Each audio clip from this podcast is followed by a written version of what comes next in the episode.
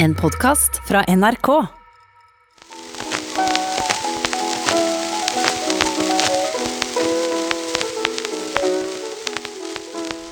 Det spraker jo sånn på peisen, men så er opptaket svært gammelt. Det er faktisk Edvard Grieg som spiller.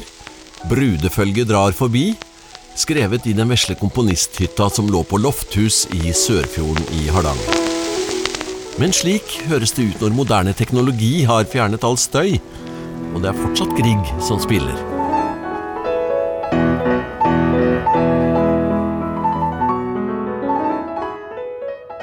Sørfjorden i Hardanger er kanskje det området som har gitt mest til norsk identitet gjennom tidene.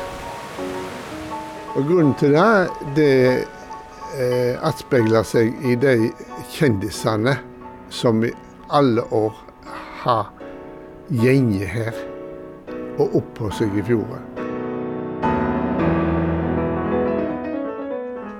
Edmund Harris Utne er harding fra Lofthus. Han er fjerde generasjon vertskap på hotell Ullensvang. Oldemora hans, Brita Utne, ble nær venn og samtalepartner med Edvard Grieg da han kom til Ullensvang og Lofthus i 1877.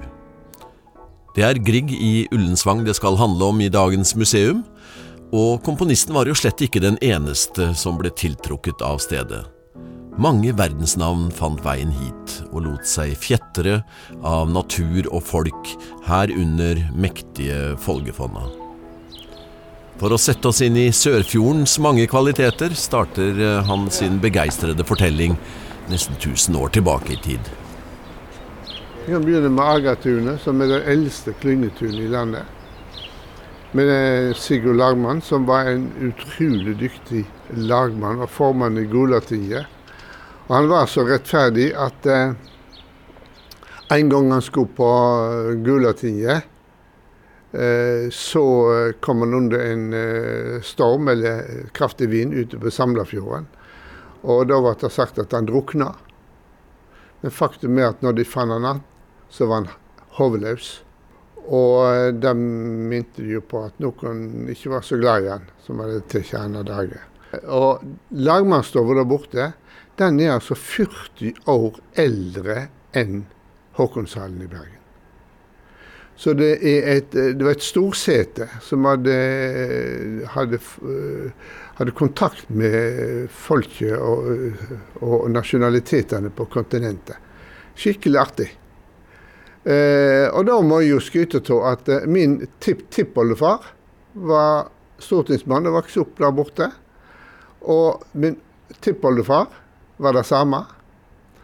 Og eh, de var jo da eh, utsendinger til ting i Oslo. Slik at fjorden ble sett på kartet. Eh, og så hadde vi en prest, prost Nils Hersberg, landets første turistsjef. Han var meget allsidig. Han var, sagt han var nesten utdanna kirurg. Og så var han jo prest, da. Og han var med og, og stakk ut den første kjøreveien over Haukeli. Og så lagde han landets første brosjyre på størrelse med et visittkort. Så han sendte til alle ambassader og konsulat i hele Europa og sa at Norge var et fantastisk land, og spesielt Hardanger. Så dette var jo eh, vel, Setter jo plassen på kartet. Og så hadde vi jo eh, Arne Garborg.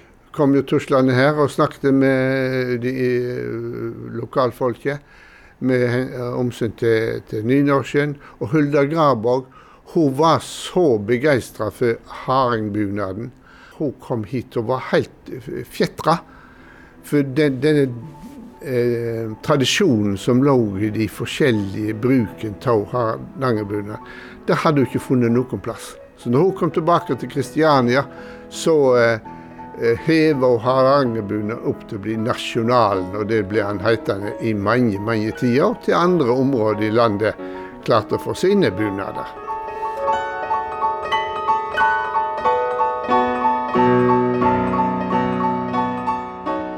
Han er eh, nesten ustoppelig nå, Utne, i denne fargerike beskrivelsen av stedet hvor han lever og bor. Vi står på terrassen på Ullensvang hotell og ser ut på Sørfjorden som ligger blank. Folgefonna lyser hvit på toppene, og vi ser Agatunet på den andre siden av fjorden og de høyreiste fjellene. Her har han tatt imot gjester fra hele verden, og han har fortalt mange av dem den samme historien.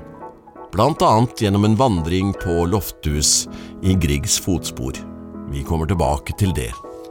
Eh, men forut for dette så var jo Norge på, eh, på sk- eh, verdenskartet en ganske rar skrapning når du ser på kartet. Og disse globetrotterne de hadde ikke vært i denne delen av verden, men de, de så på dette. Det kunne vært litt artig å, å, å, å reise dit. Og da kom de. Fra Tyskland og Belgia og Frankrike og mange fra England eh, spesielt. Og når de kom ned til Hardanger, så opplevde de det altså eh, Kulturen i denne naturen var så fantastisk. Så når disse globetrotterne kom ned her i, i eh, Åsane, så så vi folk som de, de gikk jo i bunad på, på, på hesja. sant? ja. Det var, det var jo et, så malerisk for dem. Og dette skrev de om, og lagde bøker om det når de kom hjem.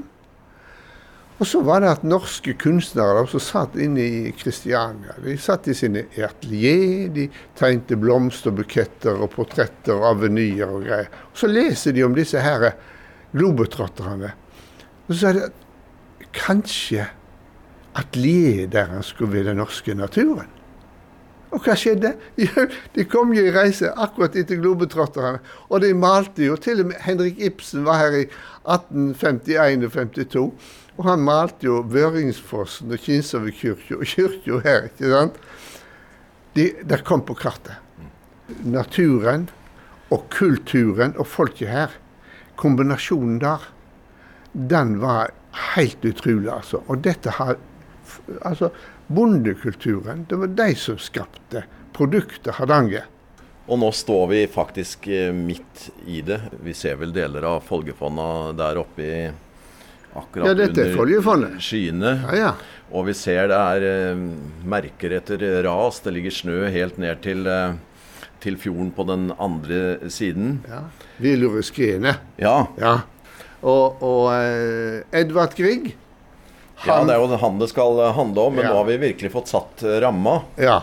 Og det var jo dette, med alle disse kunstnerne, disse her eh, globetrotter, eh, som, som gjorde at når, når Edvard Grieg hadde mista far sin og mor si og datter Alexandra Han fikk tilbud fra Köln, fra eh, København, fra Kristiania å komme og ved, ved universitetet og undervise. Men han, eh, han, han, han var ikke seg sjøl. Og han skriver da til en venn at eh, jeg, må, jeg vil ikke til byen, jeg vil finne meg selv. Jeg spekulerer i Hardanger.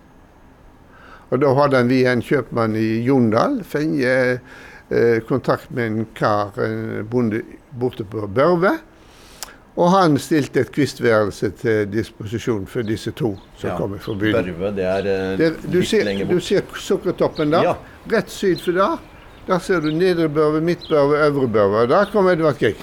Så det var det første stedet han, han var her. Korrekt. ja. Og når han kom til Børve, så var det slik at eh, all, mye av det negative han hadde i, i, med seg, det forsvant. Ja. Og han, jeg pleier, pleier å si at eh, han, han ble så bergtatt til Folgefondet kom så ned. Liet var grønn, snø på toppen. Og da rann der altså uh, Børveelva rann under et, uh, et kvednehus. Og da kom, kom inspirasjonen til ei å. Og den fikk han på kartet nesten før han hadde åpna kofferten sin. Så han var helt ifra seg. og Folket der borte på Børve de var så eh, hjelpsomme, og, og han eh, skutte de opp i skyene. Og når han eh, Men når høsten kom, da, så måtte han ut av skolestua. Men han ville ikke reise. Men han fikk jo beskjed om at han måtte, for de skulle jo ha skolen. Ja.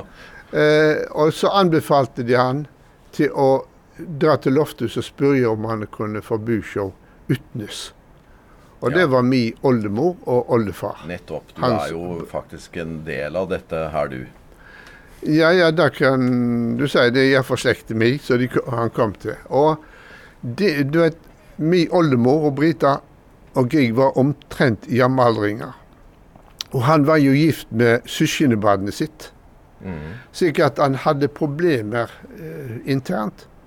Men Brita hun, hun skjønte han veldig godt. Hun var voksen opp der borte på Agra, oppi en stor barneflokk, og oppi folk som var stortingsmenn. og altså, Sikkert hun var vane til å snakke med fremmedfolk. Og, og, og hun, hun ble en samtalepartner for Grieg, som hjelpte han veldig mye gjennom den krisa. Oldemor var, eh, var veldig mye til hjelp sammen overfor Grieg. Vi har også med eh, Ragnhild Opedal Tveit. Hvilken rolle, hva gjør du her i Ullensvang? Jeg eh, jobber i eh, kulturskolen. Eh, jeg eh, jobber som pianolærer og har Ullensvang skolemusikklag. Og jeg eh, er nå Som rolle så har jeg mer en sånn pedagogisk rolle å lære opp ungene innenfor musikk. Eh, Denne kunnskapen som, eh, som Utne nå har eh, øst ut av seg uten å tenke seg om et sekund, er, lever den fortsatt i bygda her? De, de lever nok der i de som er interessert i det. Men mange lever jo her bare som på en helt vanlig plass. At dette er heimstaden. Um, ja. Jeg, jeg kan ikke si at jeg kan alt det som han har sagt nå. Men du er jo ung og Ja. utøvende kunstner og spiller, og du har jo et forhold til Grieg, selvfølgelig. Ja da, jeg har spilt mye Grieg på eh, hotellet Lundsvang. Det har jeg. Jeg har eh, fått lov til å Det har på en måte vært en del av utdanningen min, egentlig. Og vært- fått lov til å opptre her eh, på hotellet, rett og slett. Vi skal få høre Ragnhild spille litt eh, senere i programmet. Nå skal vi se på eh, hytta som Grieg var i. Komponisthytta, kaller du det det? Du skal få historien øyeblikk Ja. om den hytta. ja. Ja. ja. Vi går ned på plenen som går over i strand og i fjord. Og på tunet der står eh, hytta. Kan vi komme inn nå, tror Ja du? da. Så skal du se dette. Se her, ja. Oi. Og dette pianoet, det var det som Det er aldri sted i hytta når han var her. Nei. For det var, han hadde et lite spinett i hytta. Men på, om kvelden på hotellet Om kvelden satt Grieg og spilte for gjestene hver eneste kveld. Ja. Og det var dette pianoet han brukte. Og her er, henger Grieg på veggen. Her er Grieg på veggen. Ja. Her ser du. Til mitt kjære Lofthus, med takk for svunne dager, Edvard Grieg, i 1902. Ja. Det var bare noen få år før han Fem år før han døde. døde, da. Og der ser du et bilde av tre kvinnemennesker. Ja. Der ser du uh, o- oldemor i midten med skaut Ja. utenfor det gamle hotellet. Ja. Og så ser du um, uh, Nina Grieg til venstre. Og så ser du ja, det ser jeg, ja. Ja, og så ser du frøken Hagerup til sida. Og du vet, det var jo litt stakkars Grieg, ikke sant? Han var 154 cm høy. Og eh, alltid når de kom, så var det Nina, og så var det frøken Hagerup. Det er fruen Timbre, skriver han i brev.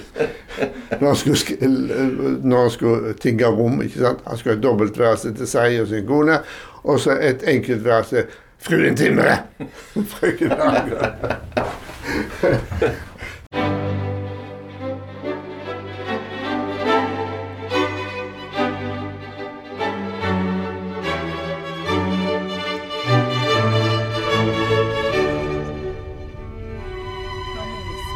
Så det er nevnt. Fruentimre, det var svigerinna hans. Nå har vi satt oss i bilen og er eh, oppe i dalsiden på Lofthus. Grieg vandret her oppe titt og ofte.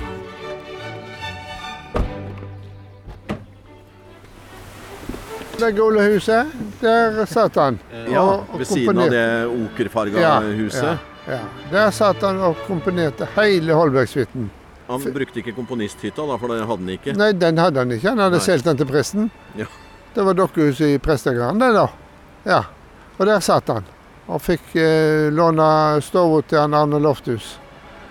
Og det var jo eh, Og han Arne Lofthus, han eh, fikk jo penger av Grieg til å gå på landbruksskolen i Danmark. Så eh, de hadde nær tilknytning og nær eh, vennskap i alle år. Når, når Grieg gikk bort i 1907, så kom jo Nina her. I mange år, helt til i 1931. Og da var hun alltid oppom til Arne, eh, familien Lofthus. Og hun var inne og besøkte eh, han Lars Sinsavik og den familien. Og, og var rundt og besøkte gamle venner. Ja. Men så eh, nevnte du for meg tidligere at han egentlig ikke eh, syns noe om det oppdraget med Nei, nei han, han eh, Det var et eller annet der som han Kanskje han var ikke motivert, eller han var liksom Det var jo en Han, han fikk jo liksom dette påtrykt og sagt at dette skal du gjøre. Eller et oppdrag som han da ikke kunne si nei til. Men det ble jo så fantastisk flott.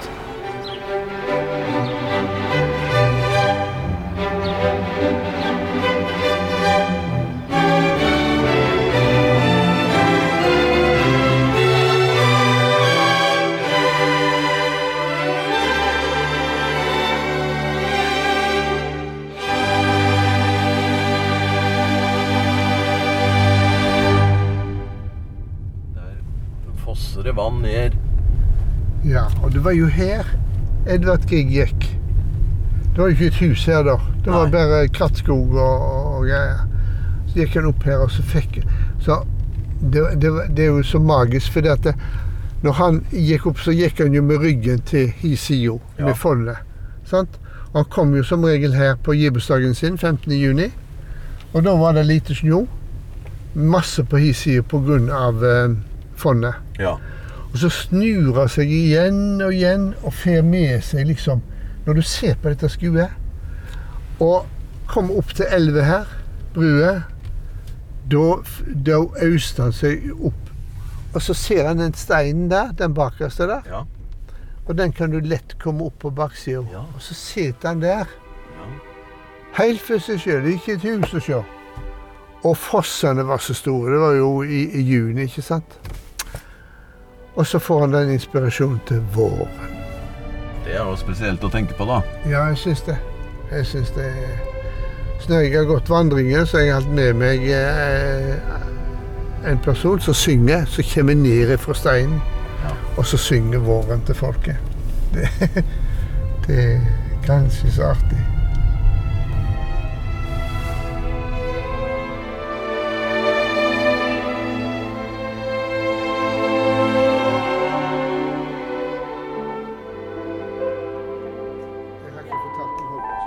Er kommet fram til Hordatun folkehøgskole. Den ligger staselig til, høyt oppe i lofthus, med panorama til fjord, fjell og bre. Ragnhild Opedal Tveit er nesten nabo til skolen, og det er et flygel i gymsalen. Vi må ha litt Grieg-spill fra en ekte harding.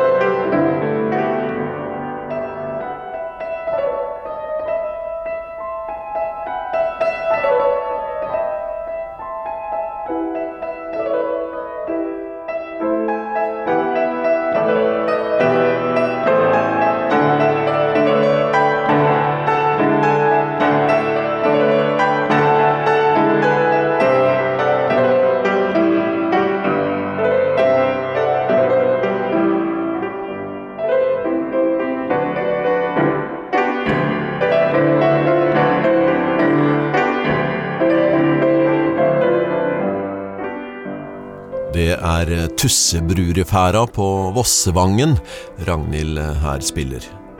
Vi skal returnere til hotellet, og historiene bare renner ut av Edmund Harris Utne. Blomstringen er på topp, men ikke som i gamle dager, da frukttrærne var store. Nå er de en drøy mannshøyde og smale, men fulle av blomster. Når Grieg kommer rundt her og ser bygda, så blir han helt eh, fjetra. Ja. Som han skriver en plass at eh,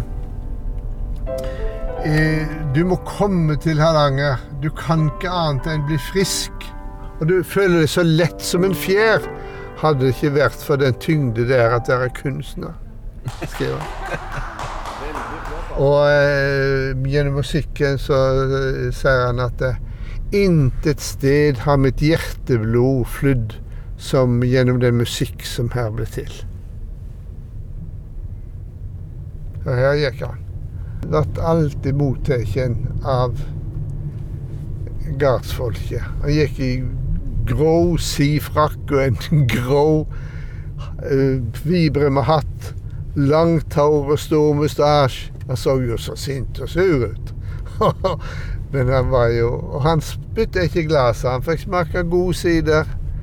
Her kom, kom Ragnhild fra, sant vel? Ja. Dette er garantert Ragnhild. Den Kjem- broren min sa Ja. Han Magnus? Ja. Kjempeflott. De er, de er så flinke med disse Se på disse her plantasjene. Ja. Det er helt fantastisk. Og her, når vi vandra, så gikk vi inn i tunet her. Så hadde vi musikk fra stoveglasset til, til Ragnhild og deg. Så sto folk ut forbi. Å ja. Og Det var slikt som, som Grieg gjorde. Han, han besøkte de, og så fikk han Og så spilte de til han. Ja. Sikkert han fikk den inspirasjonen. Og så gikk han videre. Her er vel fruktdyrking gjort til det helt spesielle Ja. i, i denne bygda. Det fins ikke maken til fruktbygd, altså. Og dette det er nå en tradisjon de absolutt heldig, hevd og, og fornyer seg. og Ja, jo den forskerskaren som du nevnte, som er jo dyktig, som, eh, som gir nye input til fruktdyrkerne. Og nye, flinke, unge dyrkere. Ikke sant, eh, Ragnhild? Ja. De er så kreative. Det er nesten Ja, det er utrolig flott. Nå skal vi nett kjøre opp her, så skal jeg vise dere hvor eh, Tilbake på hotell Ullensvang som Utne driver. Han er beæret med St. Olavs orden, ridder av første klasse, for sitt arbeid for turismen i Hardanger og i Norge. Han lokket japanere og brasilianere til Norge for mange, mange år siden, og interessen vedvarer. Men så var det disse andre kjendisene, da, utover verdensstjernen Edvard Grieg. En keiser, for eksempel. Han Wilhelm, han, det var nå greit. Han kom jo her. Eh, Seile inn og, og skulle til Odda for å besøke eh, Låtefossen. Ja. Og en gang så la han til rett utenfor Kirkeneset her, Ja. og eh, gikk i land og besøkte eh, bygda. Eh, jeg har et ganske artig bilde hvor eh, prosten står og vinker han av gårde. Og da ligger Hohenzollern ute på, på leden. Så um, han har vært her. Eh, og, det, og du har jo Du snakker om båter, men du har jo eh, Tidemann og Gude. Som satt her, som vi står nå. Nede på bakken i fjøra. Og så kom der et burfylje fra Jåstad, seilende. Med krunebrur og Spellemann og alt det der. Ganske stille da. Men på returen, da var det full jubel om bord. Da skjøt de for brura, de sang og de skålte. Og da var tilfeldigvis Tidemann og Gude samtidig her på loftet. Så sitter de der altså da en lørdag og så opplever dette skuet. Og så begynner de å lage skisser, og så reiser de til Düsseldorf. Og der satt de og gjorde de ferdige. Og dette ble så spennende at det gikk gjetord om dette maleriet de holdt på med eh, hjem til eh, gamlelandet. Og da fikk de bestilling på flere. Det finnes altså fem forskjellige, pluss to kulltegninger. De fem maleriene de vet vi hvor er, men de to eh, kulltegningene de er det ingen som har funnet. I tillegg da så kom jo alle disse her andre eh, malerne. Og en ting som gjorde, sette fokus i, på Hardanger, var at når nasjonalismen i Tyskland begynte å bre om seg. Som, det var jo på 40-tallet. 1840-tallet. Så skulle jo eh, Så ble jo alle disse utlendingene sendt hjem. De måtte bare reise. Så kom de hjem, mange av disse kjente kunstnerne våre, for ikke å si alle. Og da fant de ut at hvorfor skulle ikke vi òg lage et sånt nasjonaltablå? Sette Norge, det norske, alt det der, der på kartet. Så leide de et eh, teater, Kristiania eh, Teater i, i, hovedstaden. Og så fikk de Tidemann og Gude til å lage bakteppet. Et svært uh, maleri av brudeferden i Hardanger. Sånn? Og så drog de inn en, en robåt, og så fikk de kledd opp ei brud og en brudgom. Og i stammen sto selveste Ole Bull og spilte. Og så sang de 'Det ånder en tindrende sommerduft varmt over Hardangerfjordsvannet'. Sånn. Hallo? Var ikke rart at uh, Grieg kom hit? du har hørt en podkast fra NRK. Hør flere podkaster og din NRK-kanal i appen NRK Radio.